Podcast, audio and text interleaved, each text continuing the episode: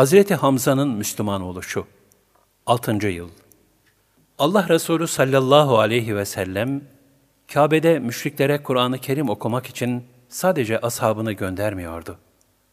Zaman zaman bizzat kendileri de gidip Allah'ın ayetlerini tilavet eyliyorlardı. Bu girişlerinden birinde Ebu Cehil, Hz. Peygamber sallallahu aleyhi ve selleme hakarette son derece ileri gitti. Etrafında toplanmış bulunan diğer müşriklere de güç ve kuvvetini göstermek istercesine, daha da azıtmak üzereydi ki, bir kadın koşarak durumu o esnada avdan dönmekte olan Hazreti Hamza'ya bildirdi. Ey yiğitler yiğidi! Yeğenine Kabe'de hakaret ediyorlar. Korkarım ona eziyet edecek bir fenalık yapacaklar dedi. Cengaverler sultanı hemen Kabe'ye koştu ve derhal melun Ebu Cehil'e mani oldu.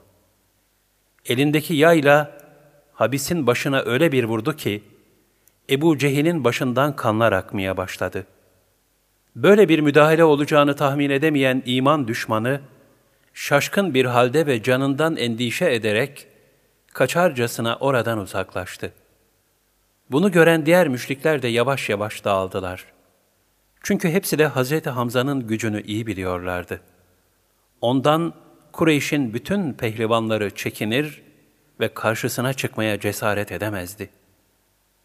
Bundan sonra Hazreti Hamza, alemlerin efendisi olan yeğeni Muhammed Mustafa sallallahu aleyhi ve sellemin yanına gelerek, İşte intikamını aldım ya Muhammed, artık rahat ol dedi. Resulullah sallallahu aleyhi ve sellem de amcasının bu hareketine cevaben, Ey amca, ben asıl senin Müslüman olmanla sevineceğim deyince, Hazreti Hamza'nın gönlündeki gaflet perdeleri kalktı. O yiğitler yiğidi, hakikati idrak ederek tebessümle yeğenine baktı ve onun yüce nurunu seyrede ede kelime-i şehadet getirdi. Eşhedü en la ilahe illallah ve eşhedü enne Muhammeden abduhu ve rasulü. Hazreti Hamza radıyallahu an Resulullah sallallahu aleyhi ve sellem'den iki yaş büyüktü ve onun hem amcası hem de süt kardeşiydi.